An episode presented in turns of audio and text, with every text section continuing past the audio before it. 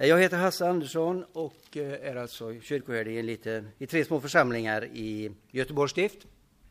Och har haft glädjen att få finnas med i ELM och ELU och de här sammanhangen genom åren också.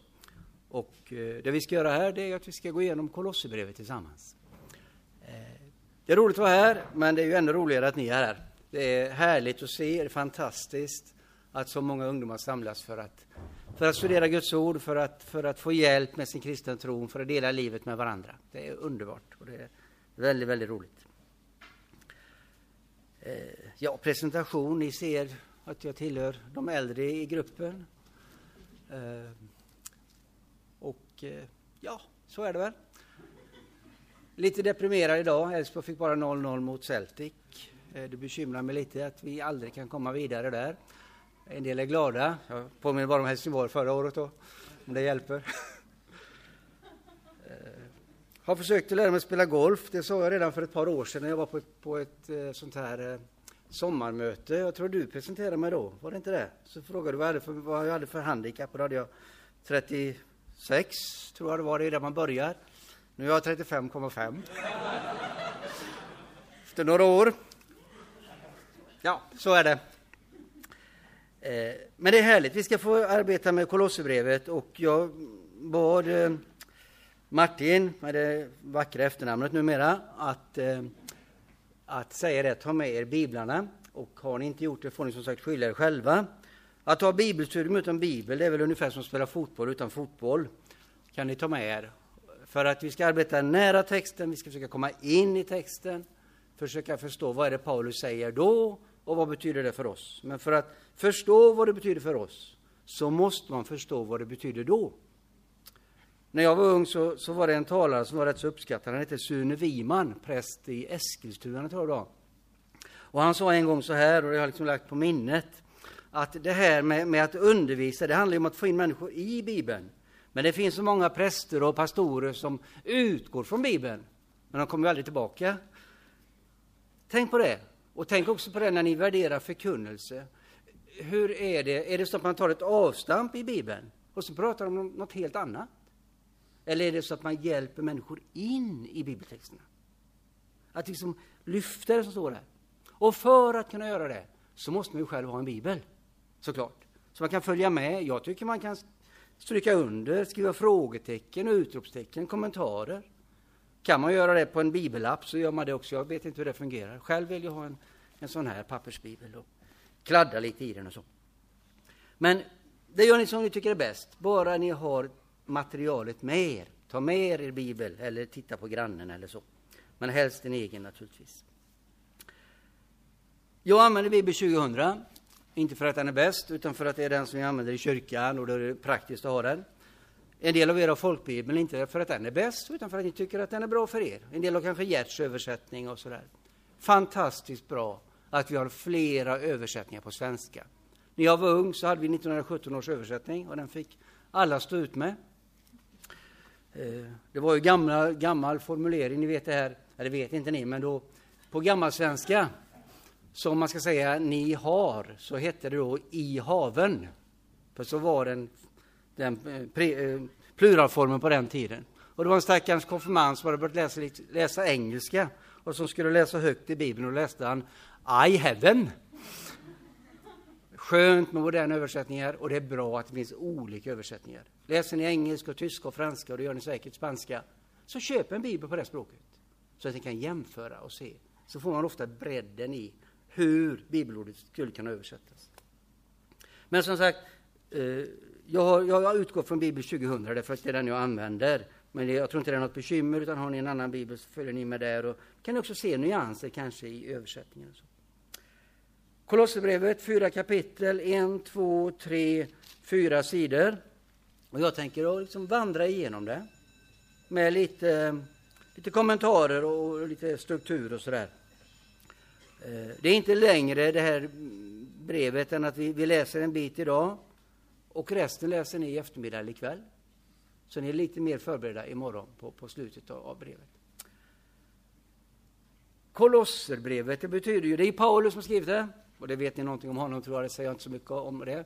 Eh, hedningarnas apostel, det blev en uppdelning mellan apostlarna.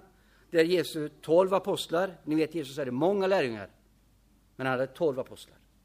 Apostlarna för att de skulle på ett särskilt sätt bära ut budskapet. De blev de som sen skulle så att säga garantera det som kommer i Nya Testamentet. Det apostoliska ordet kommer från apostlarna. Därför att bland Jesu alla lärjungar, män och kvinnor, så var det tolv män som fick ansvaret att ansvara för traditionen. Och sen dök Paulus upp. Och då blev det en, en, en uppdelning mellan apostlarna. Där Paulus liksom på något sätt blev den, den trettonde om man så vill. Eh, för han var ju utöver de där tolv. Och då bestämde man att Paulus ska ha det speciellt ansvar för att nå ut till hedningarna, till de som inte var judar, de hedna kristna. Och det gjorde han, och han reste runt och han kom också till Turkiet. Kolosser, Kolosser ligger ju, eller låg ju i Turkiet.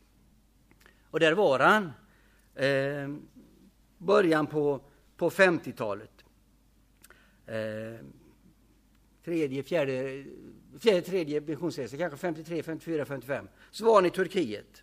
Eh, han var i Efesus i två år. Det ligger ungefär 15 mil eh, från Kolosse. Vi har kört 15 mil idag från Istorp. Det, det är ungefär det avståndet. Eh, men han har aldrig varit i Kolosse. Han känner inte församlingen personligen, så att säga. Eh, han säger i, i, i brevet, eh, hänvisar han till en som heter Epafras, till exempel 1.7. Eh, det fick ni lära er av Epafras, vår käre medarbetare. Och så vidare. Kanske var det så att den Epafras som omnämns på något mer ställe i, i brevet var den som fick komma med evangeliet till Kolosse. För en fem, sex, sju, åtta år sedan eller vad det kan ha varit. När, när Kolosserbrevet nu skrivs. Ungefär den situationen är det alltså. En ganska ny församling. Paulus har inte mött dem själv. Den ligger i Turkiet. Eh, och staden förstördes i en jordbävning år 61. Finns inte sen. Som, som en levande stad, så att säga. Paulus själv sitter i fångenskap. Det är ett av fångenskapsbreven. Filipperbrevet, Efesierbrevet eh, och Filemon, och sen Kolosserbrevet då, är ju brev där vi ser att Paulus är fången när han skriver. Och i brevet till Filemon så talar han om en slav som heter Onesimos som kommer från Kolosser. Så att det finns kopplingar där. Situationen. Epafras, som har kontakt med Paulus, han har berättat om hur bra det är i Kolosse och hur besvärligt det är. Församlingen har vuxit, man har tagit sin tro på allvar och samtidigt finns det nu villoläror. Det finns olika tankar som är på väg att splittra och som är på väg att ta ifrån kolosserna deras frimodighet i Kristus. Och det är ju så när man läser breven i Nya Testamentet att eh, man har ju bara den ena sidan. Man har Paulus brev, men man har inte vad Epafras har sagt till Paulus. Eller i något fall i, i första Korintierbrevet så ser man till och med att korintierna har skrivit ett brev till Paulus och han svarar på det. Men vi läser ju bara den ena sidan så att säga. Och då får de ibland utifrån Paulus svar försöka förstå, ja, vad, vad var egentligen frågan? Vad ligger bakom detta? Vad är det som, som är problemet? Och det kommer vi att se lite tydligare när vi kommer in i kapitel 2, vad som är problemet. Men jag ska säga någonting övergripande om det nu först, för att vi behöver ha med oss det i bakhuvudet, liksom, när man läser, läser hela brevet. Och då finns det lite ledtrådar. Och eh, om man då slår upp kapitel 2, om ni vill göra det, så kan ni se i 2.16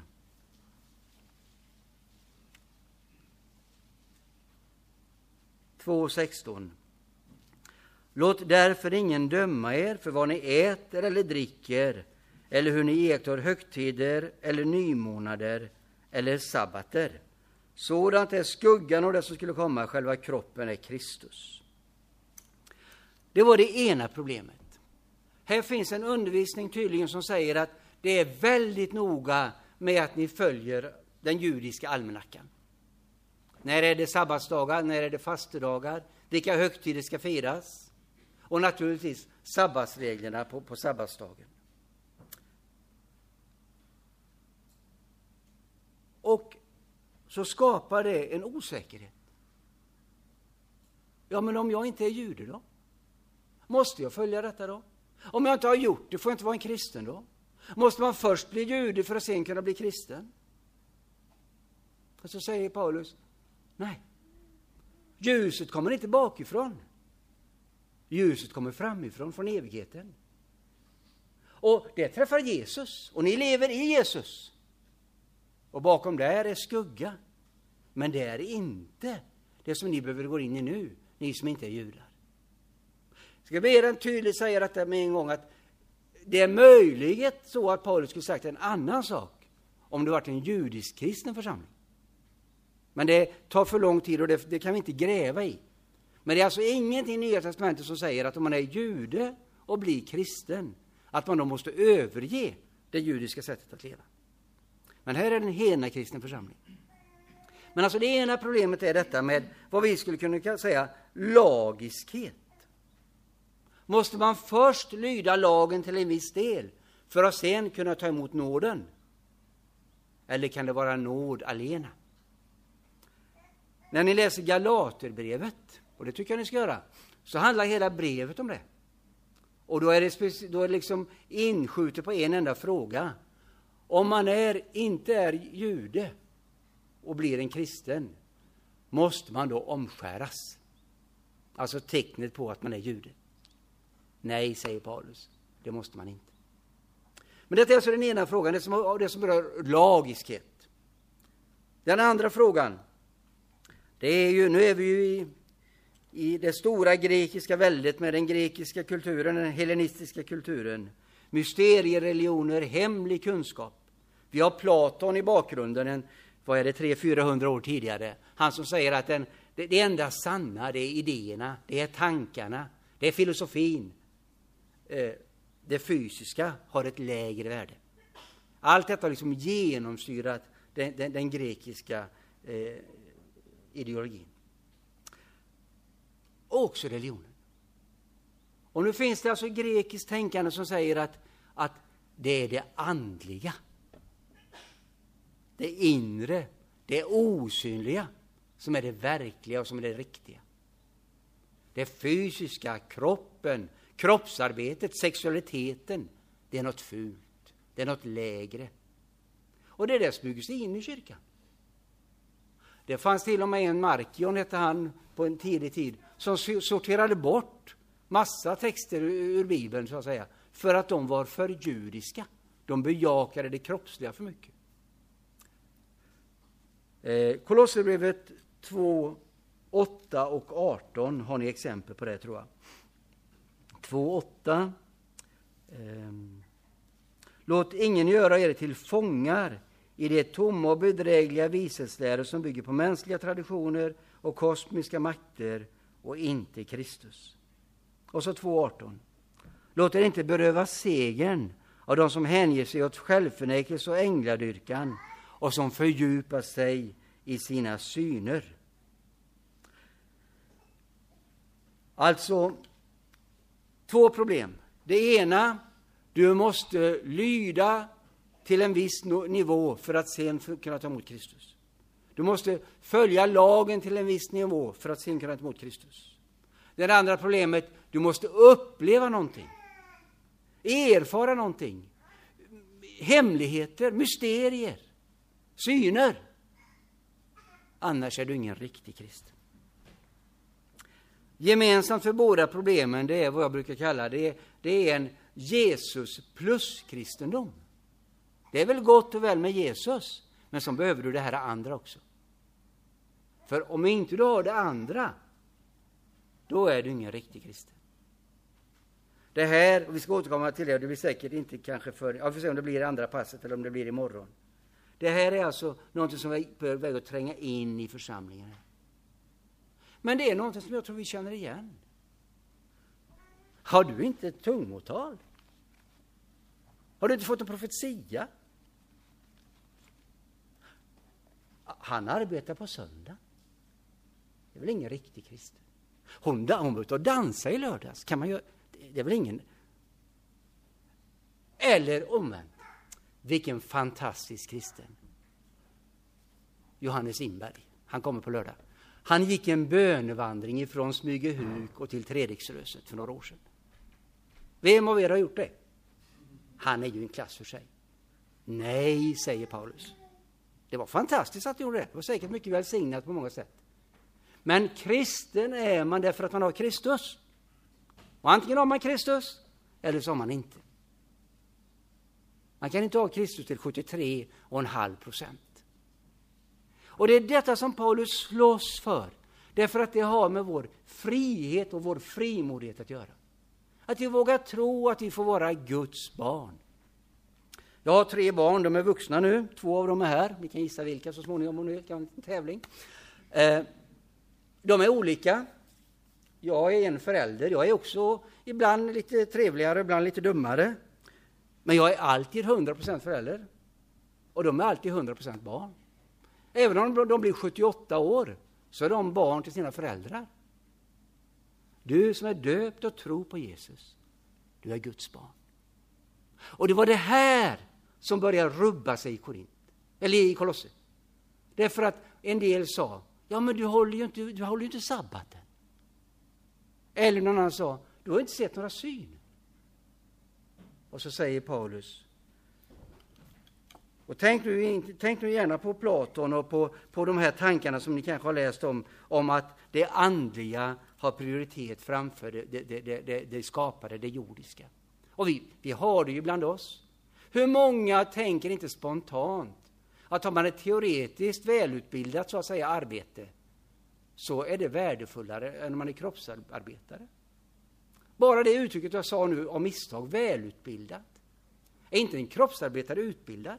Jo, det är han ju såklart. Han har ju lärt sig av de andra som har grävt och snickrat och murat. Han är väl utbildad? Men när vi säger att man ska vara välutbildad så ska man gå på ett universitet, alltså teoretiskt. Vi har det här också. Och jag befarar att vi har det i våra kristna sammanhang. Att det är viktigare att vara predikant än att koka kaffet. Nej, inte i Guds ögon. Men det var inte det vi skulle säga. Utan nu var det så här att i 2.9, och tänk er då detta att man tänker sig att det skapade är inte av Gud.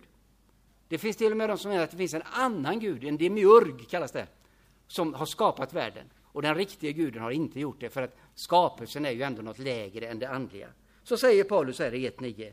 I Kristus bor, eller har hela den gudomliga fullheten förkroppsligats. I Kristus har hela den gudomliga fullheten blivit materia.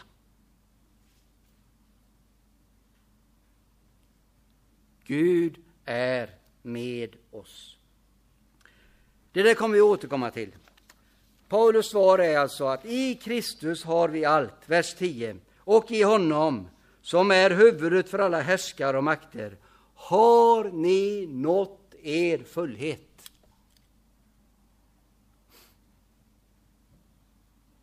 Sen är det en annan sak att vad den fullheten innebär. Det kan bli mer tydligt. Det kan komma ut bättre i vårt liv. Vi kan få så att säga, vara bättre redskap för Gud.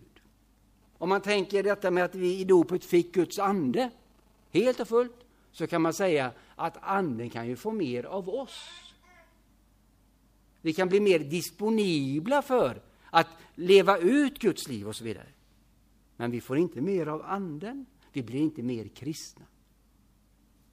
Fader, son och ande är en. Har vi Gud, så har vi Gud.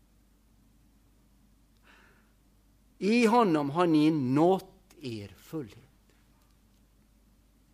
Men vad spännande det ska bli att se en gång, och slutligen blir det inte förrän i himmelen, vad denna fullheten innebär. Men ni har redan nått den, därför ni har Kristus. På flera ställen i Kolosserbrevet så talas det om hemlighet. Vi kommer möta det i kapitel 1, och där är det grekiska ordet mysterion, mysterium. Eh, det talas om en hemlighet som har uppenbarats för församlingen, för kyrkan, men som världen inte vet. Evangeliet, som vi får predika. Och sen i kapitel 3 talas det om en hemlighet som finns hos oss. Där används ordet krypto, och det är något kryptiskt i vår tro. Vi, vi har det redan, men riktigt vad vi ska bli, det vet vi inte. För det avslöjas inte förrän i himlen. Och kanske kan man få se lite mer av det också under jorden Eh, under livet på jorden. Och ännu bättre, kanske kan andra få se det lite mer hos och genom oss. Det är inte alldeles nödvändigt att vi ser det själva. Det är mycket bättre att andra får smaka de goda frukterna av vårt Kristusliv. Jag tänkte på det när jag såg den här talarstolen. För när jag kom in först så tänkte jag att det var väldigt vad de är rädda om den här talarstolen. De täcker över den. Sen förstod jag att det fanns ett helt annat skäl. Den är snyggare så här, om jag förstod det rätt. Ja. Eh, men det, kan, det kunde ju också varit så att det var en skatt här. Som inte ni har sett ännu. Men som ska avtäckas. Det kunde ju varit ett monument, ni vet. Som man absolut inte får se förrän alla har samlats och landshövdingen kommer och man drar i snöret. Oh, vilken skulptur av Martin Andersson! Tänk på det, det kan ni fundera på om ni ska göra någon gång. Men nu var det inte så. Men ert liv, ditt liv som kristen, du får tänka dig det så här. Du har en hemlighet inom dig. En gång ska det bli uppenbart vem du är. Alltså, kanske, det ska jag prata om imorgon ju. Men eh, vad är det det står?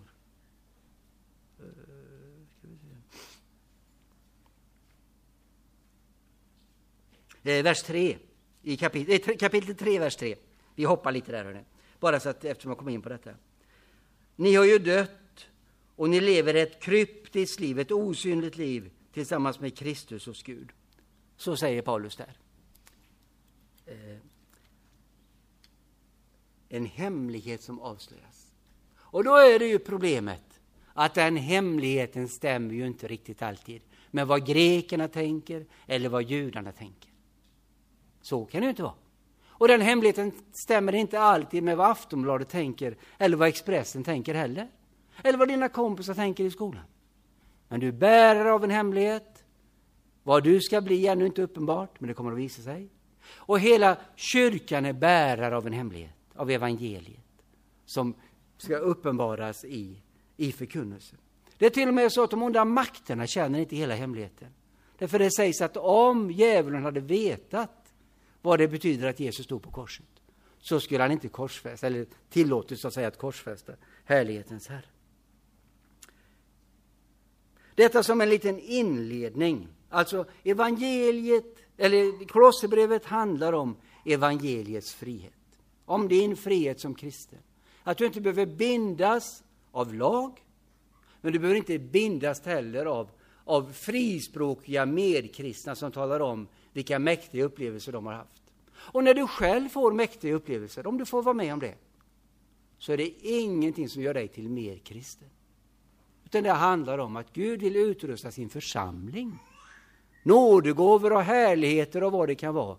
I, i, när Paulus talar om det, så talar han ju alltid om det i ett sammanhang som har med Kristi kropp att göra.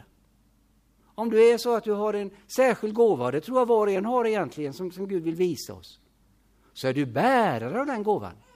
Men det är inte din. Du har fått den för församlingen.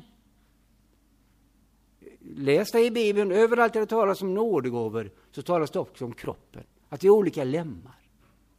Det finns inte utrymme för högmod, att jag har minsann detta. Och inte heller för avundsjuka, han har och han har, men jag har inte. Det är för vi har det tillsammans. Nåväl, nu ska jag liksom börja, om man säger så.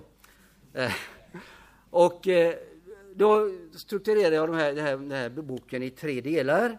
Och jag tänker liksom att vandra från början till slut så att eh, när klockan är 11 är det väl så drar vi ett streck och tar pa paus och när klockan är 12 så säger vi fortsätter imorgon. Men det är inte säkert att det är, liksom inte, det är inte fyra avdelade pass eller två avdelade pass för de här två dagarna eller, eller fyra passen, utan jag följer det. Och det kommer att betyda med all säkerhet, om man känner mig själv, att man kommer att få lite bråttom på slutet. Och det gör ingenting. För tonvikten i det jag vill säga till er ligger i kapitel 1 och 2. Vilket inte betyder att kapitel 3 och 4 är oväsentliga. Men ni har gjort ett val där. Att jag vill, jag vill förkunna detta tydligt med friheten i Kristus och fullheten i Kristus. Och sen handlar kapitel 3 och 4 om att, att leva vardagen med Kristus. Och jag hoppas hinna tala en del om det, men, men det kan bli så att det blir lite mer översiktligt. Men alltså kapitel 1, fullheten från Kristus. Kapitel 2, friheten i Kristus. Och då har ni fått bakgrunden till det nu. Alltså inte bindas av lagiskhet, inte bindas av, inte bindas av så kallade lyckade kristna, second blessing, där man har fått någon slags andra välsignelse, så tycker man att, att alla ska ha det. Utan du har din frihet, i Kristus har du allt. Och sen kapitel 3 och 4, vardagen med Kristus. Alltså fullheten från Kristus, kapitel 1, friheten i Kristus, kapitel 2, vardagen med Kristus, kapitel 3 och 4. Så då börjar vi från början. Kapitel 1, de två första verserna. Ehm, från Paulus genom Guds vilja, Kristi Jesu apostel och från vår broder Timoteus till det heliga i Kolossai, våra bröder som lever i tron på Kristus, nåd och frid från Gud, vår Fader. Ja, från Paulus till Timoteus, ja. Det är inte säkert att Paulus liksom för egen hand har skrivit det här brevet. Eh, tittar ni långt bak, sista, sista raden i brevet, så står det så här. Här skriver jag, Paulus, min hälsning med egen hand. Glöm inte mina bojor, han satt ju i fängelse som jag har sagt. Nåd åt er alla. Han skriver med egen hand. Har han inte gjort det innan då? Nej, kanske inte, förmodligen inte. Utan det kanske är Timoteus eller någon annan skrivare som har gjort. Mer eller mindre självständigt. Ibland så, ni vet ju det här att det kommer ju ibland i tidningarna att nu har det avslöjats. Eh, Paulus skrev inte Paulusbreven. Och så gör man en jättegrej av det. Vi kan inte tro på, på Bibeln. Det har man ju vetat i alla tider. Det står ju här att han bara skrev sista versen. Paulus använder ju sina, sina medarbetare mer eller mindre självständigt. En del har sagt att Kolosserbrevet och Efesierbrevet båda kan inte vara äkta för de är så lika varandra. Det går väl lika bra att säga de måste ju vara äkta för de är så lika varandra. Måste ju ha samma författare, ungefär samma problem. Och så har man skrivit så. Kanske är det så till och med att, att fast, nej, det drar för långt förresten. Men, men eh, Efesierbrevet, i Kolosserbrevet talas om ett brev till Laodikeia. Och det vet vi inte var det finns, det har inte vi hittat. Men i Efesierbrevet står ingen adress, det står inte till er i Efesus. Och det finns nog en del som menar att Efesierbrevet kanske är brevet till Laodikeia. Och I så fall är de skrivna samtidigt till och med. Då är det inte konstigt om de är lika. Ja, det var... Ja. Eh, Paulus i, kap, i vers, eh, vers 1 och, 1 och, eh, och 2. Det det är bara hälsningen, Timoteus, nåd och frid från Gud, vår Fader. Och så läser jag från 3 till 11. Vi tackar alltid Gud, vår Herre Jesu Kristi Fader, var gång vi ber för er. Ty vi har hört berättas om er tro på Kristus Jesus och om den kallelse ni hyser till alla de heliga, i hoppet om det som väntar er i himlen. Och detta hopp, om detta hopp har ni tidigare hört genom sanningens ord, evangeliet, som har nått fram till er, liksom det bär frukt och växer till i hela världen. Så har det gjort hos er också ända sedan den dag då ni först hörde det och fick kunskap om Guds nåd sådan den verkligen är. Det fick ni lära er av Epafras, vår käre medarbetare, som till ert bästa är en trogen tjänare åt Kristus. Han har talat om för oss vilken kärlek som fyller er ande. Från den dag då vi fick höra detta har vi därför ständigt bett för er. Vår bön är att ni ska fyllas av kunskap om Guds vilja, med all andlig vishet och insikt, så att ni kan leva värdigt Herren och på allt sätt behaga honom med alla slags goda gärningar när ni bär frukt och växer till i kunskapen om Gud. Hans härlighetskraft skall på allt sätt ge er styrka att alltid och med glädje vara uthålliga och tålmodiga. Och ni ska tacka Fadern som har gjort er värdiga att få del i det arv som väntar de heliga i ljuset. Där, där slutar jag så länge. Och så tittar vi något lite på de här verserna. Paulus tackar i vers 3. Han tackar inte kolosserna. Tack, eh, härligt att det har gått så bra med er och att ni är så duktiga. Utan han tackar Gud för dem. För det är Gud som har gjort det. Det är Guds verk. Och så delar han det positiva. Väldigt klokt. Han börj Vi har redan talat om vilka problem det är. Vilka bekymmer han har för den här församlingen. Men det börjar inte Paulus. Utan börjar med det positiva. Vi tackar alltid Gud, vår Herre Jesu Kristi Fader, var gång vi ber för er. Vers 3 och vers 4. Ty vi har hört berättas om er tro på Kristus och så vidare. Så gott att få lyfta det som är positivt. Och han talar i vi-form. Han delar detta med Timoteus och Epafras och de andra. och de ber tillsammans för kolosserna. Ta med det som ett gott exempel. Det är väldigt lätt att man hittar det som inte är bra. Kritiserar, och det ska vi göra när det behövs. Sanningen ska göra er fria, hörde några av oss i morgonmöten idag. Och sanningen kan ibland vara, vara kritik, det är inte det. Men att leta efter det som bygger upp. Ta med det i våra böner, tacka för det, dela det med varandra. Han tackar för och gläds över det han har hört om kolossernas tro. Och så formulerar han det så här. Ty vi har hört, vers 4, vi har hört berättas om er tro på Kristus, eller möjligen i Kristus, om man översätter det här lilla ordet. Tro på Kristus, om den kärlek ni hyser till det heliga och om hoppet som väntar er i himmelen. Tro, kärlek, hopp. Ni som kan stryka under och vill göra det kan ju gott stryka under de tre orden. Tro, hopp, kärlek, tro, kärlek, hopp. Paulus använder detta lite omväxlande. Men säg nu vad han knyter till, se nu vad han knyter till de här orden. Tro på Kristus, kärlek till det heliga, hopp som väntar i himlen. Alltså tro, hopp, kärlek, det är inte bara liksom tomma ord, utan de har en riktning. Alla tre orden har en riktning. Tro på Jesus, inte på din tro. Inte på din kyrka, inte på din församling, inte på den traditionen du är uppvuxen i, utan tro på Kristus. Tro inte på framgångarna i ditt liv, hur väl du har varit disciplinerad i de löften du har gett och tänkt att jag ska be minst en halvtimme varje dag, eller vad du nu har tänkt. Tro inte på de upplevelser du har fått. När du var på det där lägret, eller när du kände att Gud kom så nära dig. Allt det där är välsignat och gott. Men tro på Kristus. Det är för han är fullheten. Och det är det vi talar om i kapitel 1. Fullheten i Kristus. Allt det där andra är bristfälligt. Det vet du. Och skulle du tro på det, så får du hela tiden vara osäker. Är jag kristen? Är jag inte det? Nej, tron har en riktning mot korset, mot den tomma graven, Kristus. Och så kärleken. Kärleken, mina vänner, det är inte en känsla. Utan kärleken är att du tittar runt omkring det här. Kärlek till de heliga. Och där hemma i din trassliga församling. Som är så. Jag vet ju hur vi har det hemma hos oss. Vilka präster vi har där. Och, och, och eh, hur trögt det kan vara. Ja, det finns alla möjliga saker man kan fundera på. Det är inte den församlingen som är idealt. Hur ska man göra då? Ska man byta församling?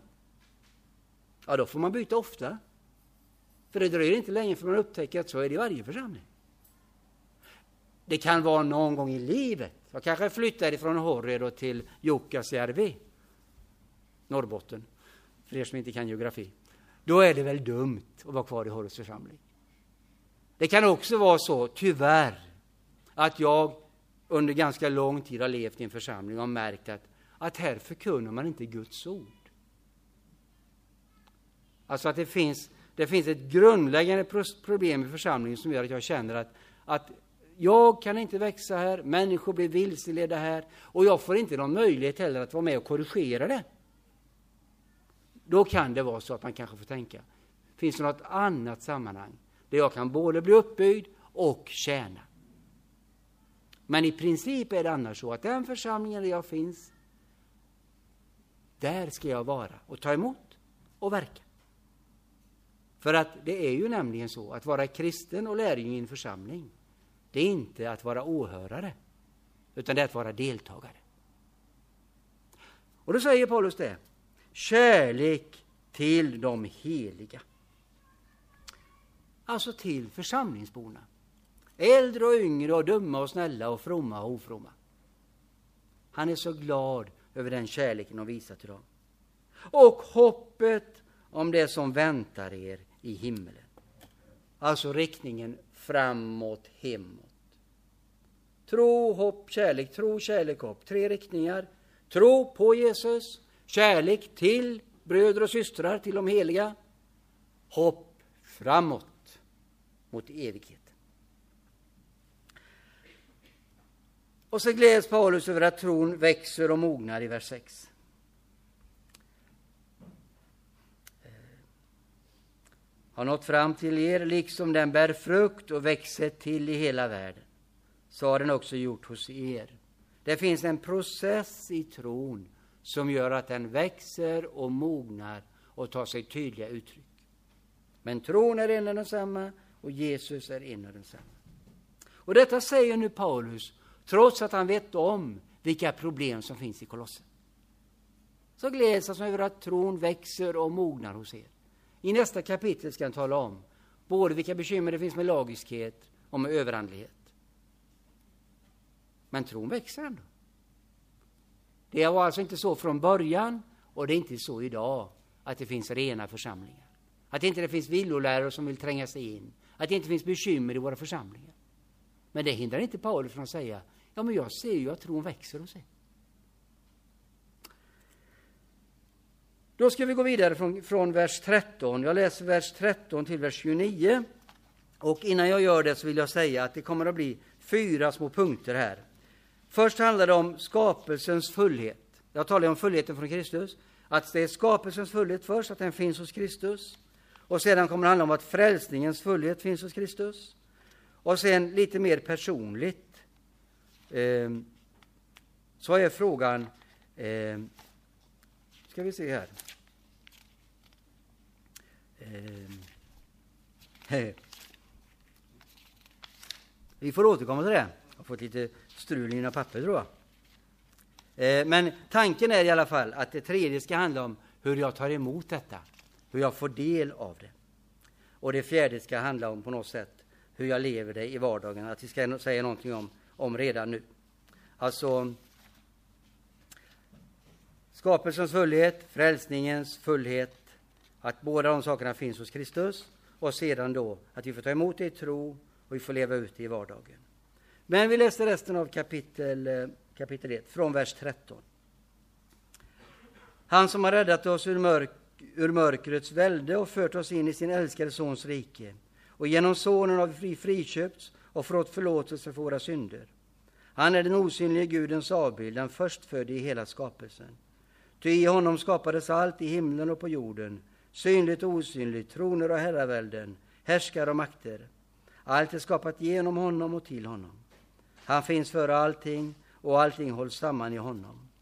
Och han är huvudet för kroppen, för kyrkan, han som är begynnelsen förstfödd från de döda, till att överallt vara den främste.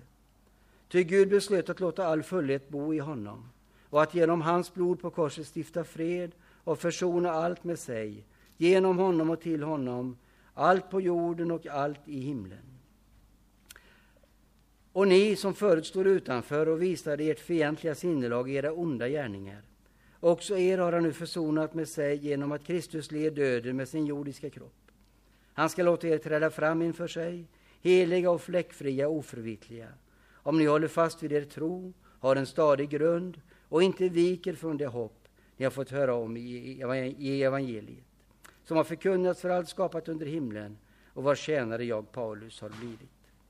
Nu gläder jag mig över att få lida för er. Vad som ännu fattas i Kristi lidande, det lider jag i mitt eget kött för hans kropp som är kyrkan. Dess tjänare har jag blivit, enligt det uppdrag som Gud har gett mig för er skull, att låta Guds ord nå sin fullbordan. Detta är en hemlighet som har varit fördold i alla tider, och släktled, men nu har uppenbarats för hans heliga. Gud ville låta dem veta vilken härlig skatt hedningarna har i denna hemlighet. Kristus finns hos er, hoppet om härligheten. Honom förkunnar vi genom att vägleda alla människor och undervisa dem alla med all vishet för att kunna föra fram alla som fullvuxna i Kristus. Det är för detta jag strävar och kämpar med den kraft som han så mäktigt låter verka i mig. Alltså, nu har jag fått lite ordning på papperna. Jag satte nog in dem lite fel igår. Skapelsens fullhet finns hos Kristus. Frälsningens fullhet finns hos Kristus. Kristusfullheten tas emot i tro och Kristusfullheten levs ut i vardagen. Det kommer resten av den första delen att handla om. Vers 15 till 17, om skapelsen, om, om den värld vi ser, om universum. Han, Jesus, är den osynlige Gudens avbild, den förstfödde i hela skapelsen. Ty i honom skapades allt i himlen och på jorden, synligt och osynligt, troner och herravälden, härskare och makter. Allt är skapat genom honom och till honom. Tre prepositioner. Det är skapat i Kristus, genom Kristus och till Kristus. Det för lite för långt att, att vandra tillbaka till första Mosebok, men jag vill bara ge er liksom nycklarna till detta. Att hela skapelsen är skapad i Jesus. Eh, ni vet att i första Mosebok, första kapitel, i begynnelsen skapade Gud himmel och jord. Guds ande, Guds ven står det i Bibel 2000, vilket är lite, lite besvärande tycker jag. Men Guds ande svävade över vattnet och Gud talade. Det finns treenigheten med från början. Fadern som skapar, anden som svävar och ordet som Johannes lär oss ju är Jesus. För i början på Johannes evangelium står det i begynnelsen var ordet, ordet var hos Gud, ordet var Gud. Och så säger han i vers 14 Ordet blev människa och bodde ibland oss. Alltså Jesus kom till oss. Redan från början så finns Jesus där och skapar med Fadern och med den helige Ande. Dessutom är det så att i begynnelsen, det, det uttrycket på hebreiska, det betyder ju i begynnelsen, i början, i det första, eller om man så vill, i den första. Och kan det lite fromma ord så kan man säga i förstlingen. Och det är en bild för Jesus. Allt förstfött skulle helgas i det gamla, i gamla testamentet. Varför då? Jo, för att det är en gåva från Gud. Egentligen skulle alltihopa helgas. Alltihopa är Guds gåvor. Men så finns det också en anknytning till detta, att det finns en som är först i skapelsen. Allt är skapat i, genom och till Kristus.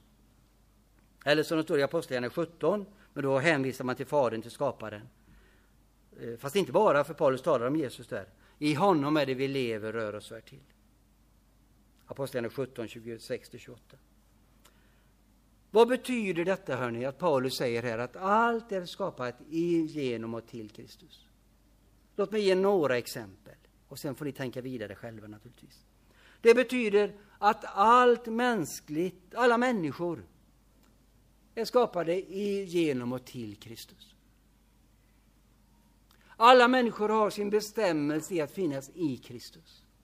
Alla människor har på djupet en längtan efter Kristus, även om inte man har en aning om det.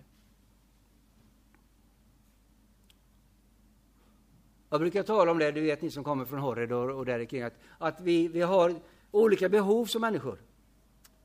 Och då, då har någon lärt mig i någon bok någon gång att, att vi kan tänka i tre behovscirklar, tre, tre längtanscirklar om ni så vill.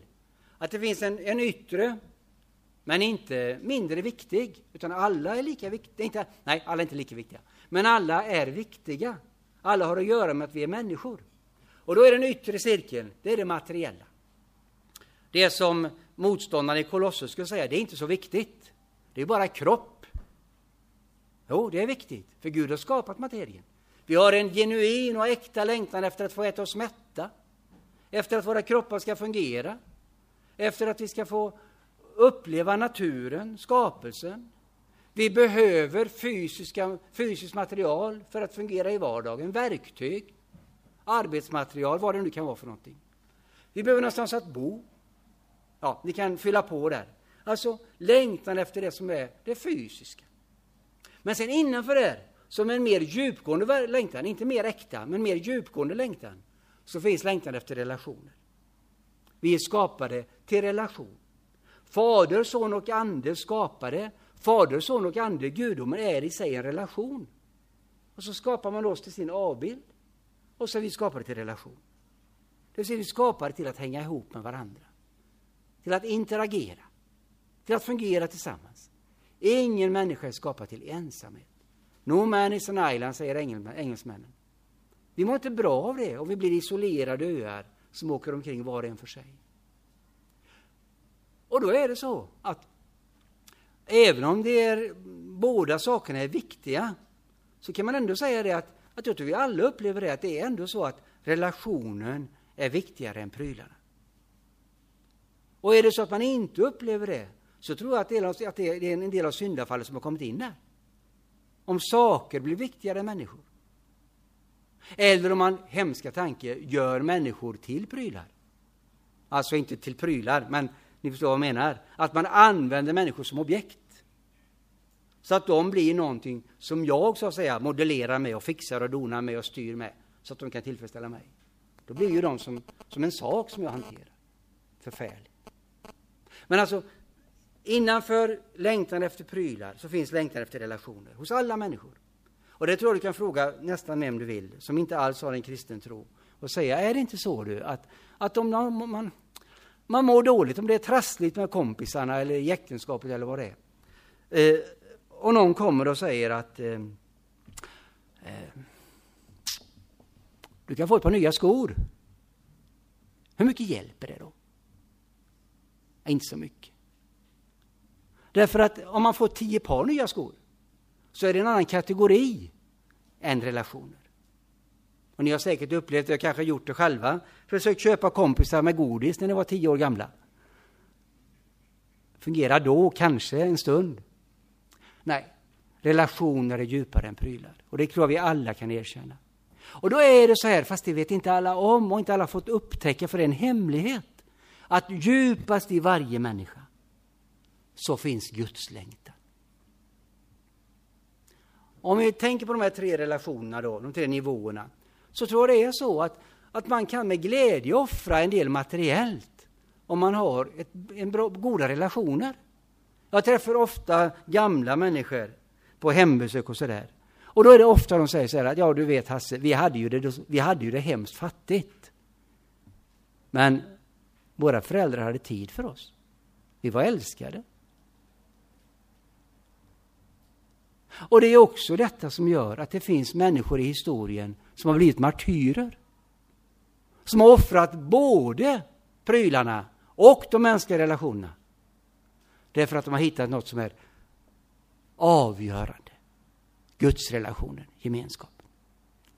Men alltså, det jag vill säga först är att eftersom vi är skapade i, genom och till Kristus så har alla människor denna längtan, oavsett om man vet om det eller inte. Det andra effekten av det här som Paulus säger, det är ju att eh, vi är på gemensam mark. Det är inte så att en del är kristna och andra är det inte, och man har ingenting gemensamt. Kristus skiljer oss åt. Tron på Kristus skiljer oss åt. Men vi är alla skapade tillsammans. Vi står på samma plattform. Vi har oerhört mycket gemensamt. Och sen bär vi på en hemlighet som de andra behöver få veta. Men vi ska akta oss för att så att säga eh, avskilja oss mer än vad som behövs. Akta oss för att inte bejaka detta, att alla människor av god vilja är med och gör Guds verk på jorden, även om de är hinduister eller ateister, när de gör goda saker. Men de kan inte förmedla evangeliet, för det har de inte sett. Och därför, nu ska jag säga någonting som som ni får fundera kring. Och jag, jag tror att det är olika hur man gör, och det kan olika situationer. Så jag vill bara lyfta frågan. För ibland tycker jag det är konstigt att vi har en kristen fredsrörelse. Varför ska den vara kristen? Eller varför vi har eh, en kristen miljörörelse? Eller kristna fotbollslag? Eller andra sådana kristna saker som ligger på, på, så att säga, på skapelsens plan. Och jag kan förstå att det, det finns en poäng i det. Därför att en kristen miljörörelse, eller en kristen fredsrörelse eller idrottsrörelse alltså, kan ju så att säga skapa någonting som eh, är drivet av evangeliet. Man kanske säger att det är ett bra sätt att evangelisera. Men man kan också säga att genom att jag tror att Gud är skaparen så har jag ju helt andra argument för miljön än vad en som inte tror det har. Så att jag säger inte att det ska vara på det ena eller andra sättet, men jag vill lyfta frågan. Därför att ibland är det som att om man är kristen så måste man ha allting för sig. Därför att de som inte är kristna, de har ingenting gemensamt med oss. Men Paulus säger, jo men de är ju skapade i, genom och till Kristus. Vi har ju hela skapelsen gemensam. Och det betyder för det tredje då att alla människor har med Gud att göra. Man kan inte, en ateist kan inte säga jag tror inte på Gud om inte Gud ger honom möjligheten att säga det. Och då betyder det också för det fjärde att bli kristen, att få bejaka att Gud älskar mig, det är att bli mer människa. Jag är redan människa, liksom alla andra. Men genom att jag får komma till tro på Jesus så når jag en ny dimension av vad det var människa. Men jag blir inget annat. Och sen den sista tanken jag har, alltså om ni vill ha lite struktur på det här så kan man säga det första var ju att alla människor bär på en gudslängtan. Skapelsen är gemensam mark. Alla människor har med Gud att göra. Att bli kristen är att bli mer sig själv, bli mer människa. Och sen det sista då, och som var brännande i Kolosse. Skapelsen är god, men fallen. Gnostikerna och de här, de här villolärarna, de menar ju skapelsen är ond. Det säger inte vår tro. Skapelsen är god, men den har gått sönder. Och därför är det gott när vi längtar efter det skapelsegivna. Vi behöver inte skämmas för att vi tycker det är kul att spela fotboll. Eller underbart att gå ut i naturen och plocka svamp. Eller på vilket sätt vi nu gör. Vi behöver inte tänka det att jag vill bli snickare och bygga vackra hus. Fast egentligen kanske jag borde bli präst, för det är nog bättre. Nej, det är det inte alls. Att få finnas och verka i Guds skapelse, det är Gud kallar mig till. Det är gott. Eh, nu ser jag att klockan är elva här. Vi ska bara, jag ska bara runda av detta först. bara. Det vill säga, Kristus är alltså förstfödd i vår skapelse, i vår värld, i vår tillvaro. Kristus finns liksom i botten på allt, allt som finns. Sen betyder inte det att allt som finns är som Kristus vill. Därför skapelsen har gått sönder. Men det betyder, det ska jag återkomma till imorgon, men det betyder att vi ändå utifrån skapelsen kan dra slutsatser. Det är ju väldigt eh, idag inne att tala om detta, att det finns inga normer.